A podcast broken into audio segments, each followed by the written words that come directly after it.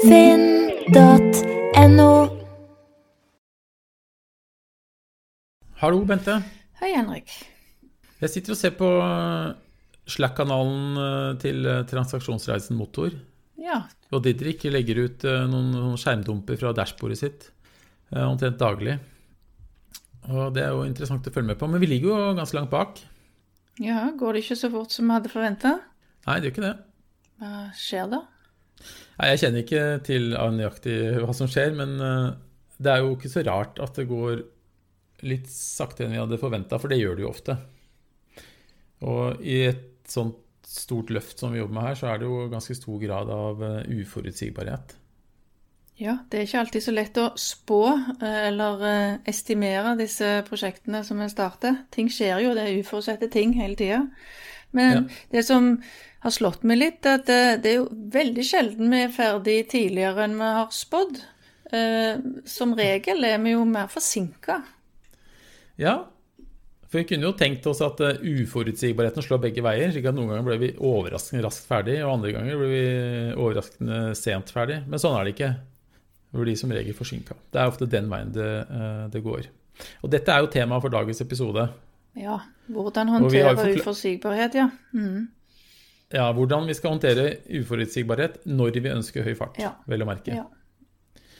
Og vi har en forklaring på hvorfor det som regel går senere enn vi hadde regna med. Det finnes en, selvfølgelig en, en god forklaring på det. Det gjør det. Så vi kan jo prøve å begynne å forklare det her, men hva, er, hva mener du er den viktigste årsaken da til at det går tregere enn de regna med?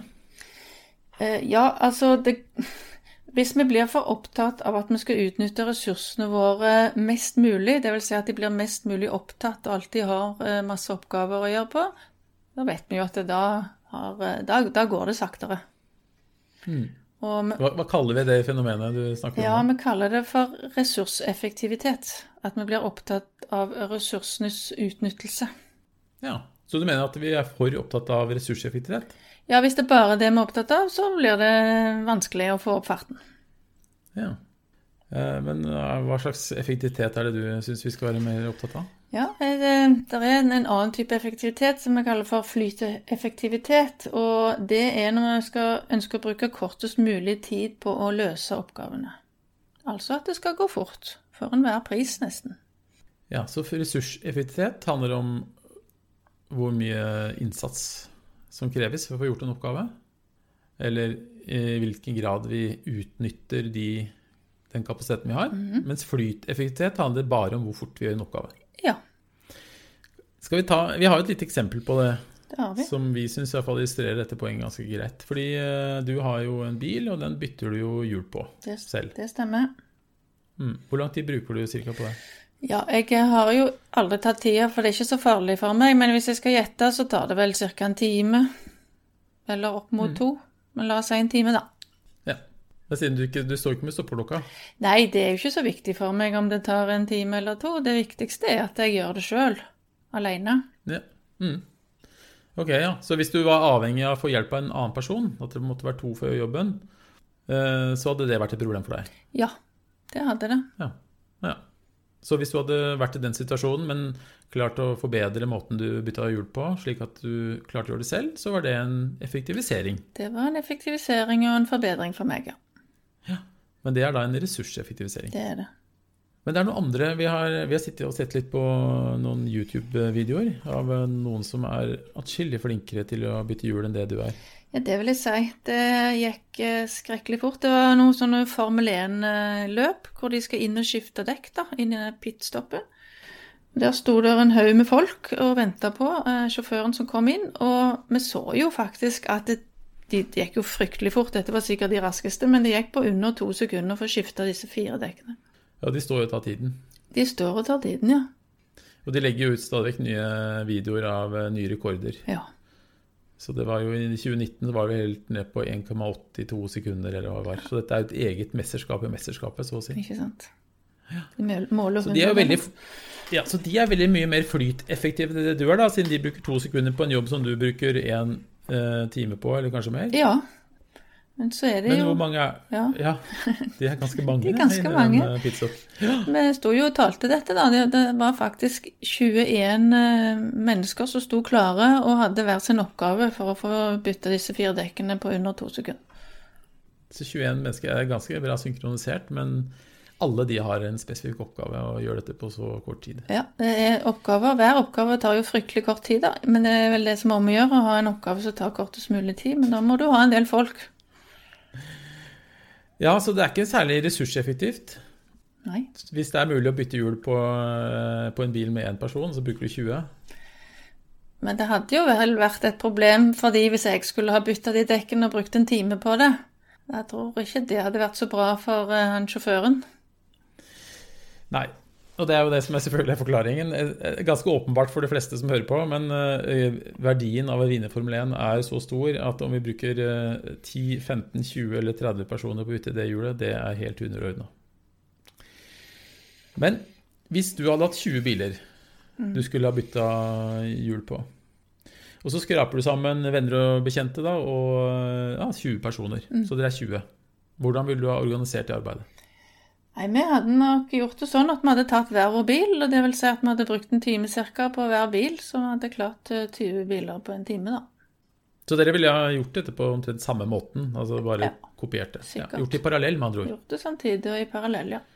20 biler på en time med 20 personer. Hvor mange biler klarer du å bytte hjul på de i pitstoppen, tror du? Ja, hva tror jeg? Det er jo fryktelig mange, da. Jeg klarer ikke å regne ut engang, men det, jeg vil jo tro det er hundrevis av biler eh, på samme tida. Så de er jo ekstremt mye mer produktive totalt sett. Med samme antall personer som det, det eh, du og dine venner ville vært. Mm, absolutt. Og det har du oppnådd ved å fokusere på prosessen. Og få på å fokusere utelukkende på flyteffektivitet. Ja. Så når den eh, gjengen der kommer og skryter av at de har fått bedre effektivitet, så er det aldri det at de har klart å nedbemanne. Nei, det er det ikke. Nei, det er det ikke. Det er fordi jeg klarte klart å shave av enda en tiendedel av eh, resultatene sine. Mm. Greit. Da har vi iallfall illustrert forskjellen på flyt eh, og ressurseffektivitet, og så har vi skjønt at eh, det å være rask er jo selvfølgelig gjør deg veldig konkurransedyktig, men totalt sett så øker det også produktiviteten enormt. Ja. Så du blir på en måte også mer ressurseffektiv ved at du først og fremst fokuserer på flyteffektivitet. Ja. Så, De samme menneskene klarer å skape mye mer verdi. Så det du sier, vi må begynne med flyteeffektivitet, da, hvis vi skal bli mer effektive. Ja, du kan jo tenke deg selv, den pitstoppen, hvis de hadde begynt med først La oss si det var fem personer, da. Da sier nei, nå skal vi bli først mer ressurseffektive, og så skal vi bli mer flyteffektive etterpå. Det hadde jo selvfølgelig ikke blitt særlig konkurransedyktig. Men dette er jo et litt spesielt eksempel, og det, man kan jo lure på hva er relevansen for Finn. Ja. Vi, jo, vi kjører jo ikke Formel 1, vi bytter jo ikke hjul. Vi gjør jo ikke noe av det her i det hele tatt, egentlig. Nei, vi gjør vel ikke akkurat det samme, men uh, vi, skal, vi er jo opptatt av eh, fart, vi også. Eller vi burde i hvert fall være opptatt av det, for vi har jo vært for seint ute noen ganger med ting. Ehm, og det som har skjedd når vi har vært for seint ute, det er kanskje at vi har faktisk mista noen markedsandeler. Eh, Blink var jo et eksempel på det. Det tok lengre tid enn vi hadde trodd, og det varte det rakk. Og i mellomtiden så var det noen andre som kom ut med noen lignende produkter, og tok en del av det markedet som, som vi hadde tenkt å ta ved å være først ute. Og det gjorde det jo litt vanskelig for oss å innta samme posisjon som vi hadde kunnet tatt hvis vi hadde vært ute først. Ja, så vi tapte penger. Ja, tapte penger og gjorde det vanskelig for oss. Ja. Eh, betalingsløsning eh, og VIPS er jo også en historie om eh, mangel på fart og flyt. Absolutt. Og mm, verdien av det er prisen på en sånn forsinkelse er ganske betydelig. Det er jo som i Formel 1. Det er det. Ja. så er det vel sånn at Vi vet vel saktens aldri om vi faktisk er i en konkurransesituasjon eller ikke. Det kan hende at det sitter noen nå og tenker at de skal prøve å lansere friksjonsfri bilhandel før oss. Ja, det vet vi jo ikke noe om. Nei, det vet vi aldri. Nei. Men vet én ting helt sikkert. Desto lengre tid vi bruker på å bli ferdig med våre viktigste satsinger, desto større rom skaper vi for våre potensielle konkurrenter. Men la oss si vi ikke hadde noen konkurrenter. Er det da noe vits å være rask? Ja, eh, det er sikkert noen som har hørt begrepet cost delay. Cost og delay, ja. På norsk forsinkelseskostnad. Ja. Kan ikke du forklare litt? Vi har jo hatt noen nye produkter der også på dette, som kanskje kunne gi oss litt inntekt over tid? Ja da. Det er jo inntekter gjerne knytta til nye satsinger og nye produkter vi utvikler. Så hvis vi tar et eksempel, Du nevnte blink, men la oss bare ta det enkle tallet her. La oss si det er et nytt produkt som kommer til å omsette for 100 millioner per år. 100 millioner per år, det er ca. rundt regna 2 millioner per uke. Så hvis lanseringen av et sånt produkt blir forsinket med en uke i forhold til hva vi hadde planlagt, så taper vi altså to millioner. Eh, ofte er forsinkelsene mye mer enn en uke. Og dette er eh, nyttig å tenke på, fordi dette er penger vi aldri kommer til å tjene igjen. Det toget har gått, tida går. Og så vi hadde planlagt å tjene disse pengene i 2021 fordi vi skal bruke dem i 2022, så er konsekvensen at vi har mindre penger å bruke i 2022. Og det er dårlige nyheter for et vektselskap. Så fart uh, har en pris, eller det er en verdi, i kroner og øre direkte. Dette er en kostnad vi sjelden ser da, å regne på. Og jeg syns bileksempelet vårt er, uh, eller uh, transaksjonsreisemotor er et godt eksempel, for det er et visst antall transaksjoner som blir gjort et visst antall biler som selges og kjøpes i løpet av et år. Mm. Og lengre tid vi bruker på dette og få dette ferdig og få um, opp farta på det, det er direkte tap, det. Mm. Interessant. Det er penger vi aldri får igjen. Det må vi huske på. Tapt. Men vi har jo Det er åpenbart. Det er mye uforutsigbarhet i det vi driver med. Mm -hmm. Det er jo uh, en del av naturen i å drive med produktutvikling og innovasjon og alt det der. Eh, vi kaller det variasjon eller uforutsigbarhet. Mm. Hva er det det egentlig handler om, rent uh, praktisk? Ja, Det er som du sier, stor usikkerhet uh, omkring flere ting når vi skal drive med produktutvikling. Uh, F.eks. Uh, hva vi skal gjøre, for det er jo ikke likt hver gang. Vi står ikke på et samlebånd og gjør det samme, så hva vi skal gjøre, det vet vi egentlig aldri før vi er i gang. Det er også usikkerhet hvordan vi skal gjøre det, hvordan vi skal løse oppgaven. Det kan være forskjellig for hver gang. Og så er det også selvfølgelig eh, usikkerhet rundt hvor lang tid det vil ta å gjøre oppgaven, eller utvikle. Så det er mange ting, mange variabler eh, her, som vi må holde styr på når det gjelder variasjon og uforutsigbarhet. Ja. Men løsningen på dette problemet, det er jo det prosesslovene forteller oss, er at uh, hvis vi skal um, holde farta oppe også når vi driver med noe som er uforutsigbart, så må vi ha overskuddskapasitet eller ledig kapasitet å sette inn dersom det skjer noe uforutsett. Nok. Så vi kunne jo her hatt 100 personer stående klare i tilfelle noe uh, hindringer skulle oppstå. Mm. For å unngå å bli forsinka. Det kunne vi hatt.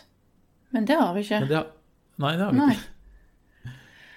Og Hvorfor ikke? Jeg tror mange ville sagt nei, men herlighet, det blir jo altfor dyrt, sier de. Bare, skal det bare stå folk der og vente? Vi vet jo ikke når denne prioriteten kommer, og når vi er klare og sånn.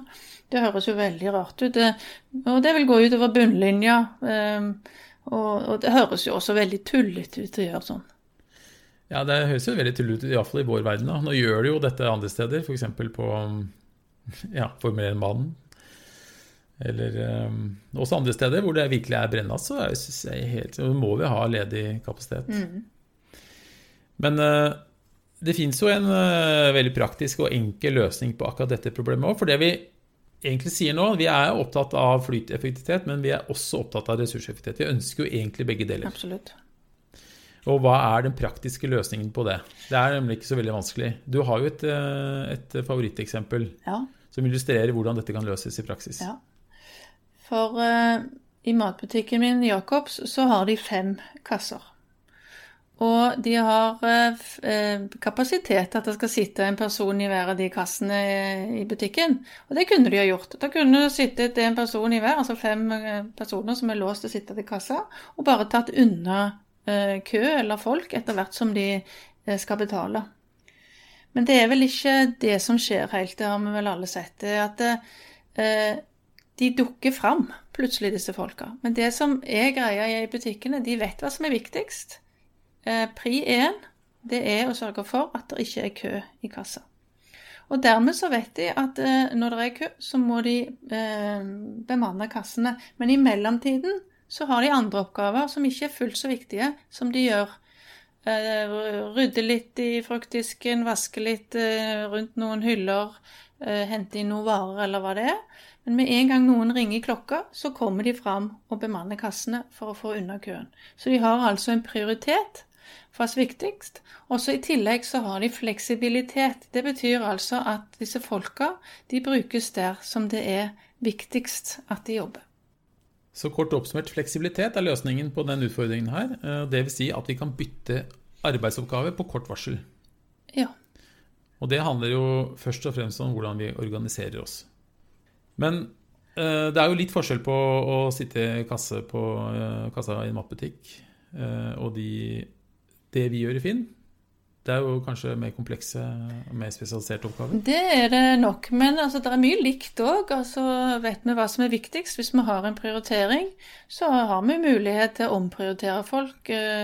Flytte på de, altså ha fleksibilitet, da. Alt ettersom hvor det er behov for det. Så hvis de viktigste oppgavene våre trenger mer kapasitet, flere folk, så burde vi ha en organisering av folk som gjør at vi lett kan, kan flytte på folk. Alt etter hvor det er behov for dem. Ja. Men så kan vi kanskje, kanskje bli enige om med oss selv her at nei, jeg hører fleksibilitet er løsningen, men vi ønsker egentlig ikke den fleksibiliteten. Det er slitsomt for oss. Det er vanskelig å få til i praksis. Da kan vi si det er greit, men det har en pris. Og den prisen kan vi oppsummere. Enten så får vi en forsinkelseskostnad fordi vi alltid vil ha uforutsigbarhet. Eller så må vi betale for å ha ledig kapasitet som vi ikke får utnytta til enhver tid. Nettopp. Mm. Det er veldig mange gode poenger her, hvis jeg skal si det sjøl. Så det som forundrer meg, det er at det er så få som bryr seg egentlig om kø og fart og flytt. Eh, vi har brukt noen eksempler her fra Formel 1 eh, og butikkansatte.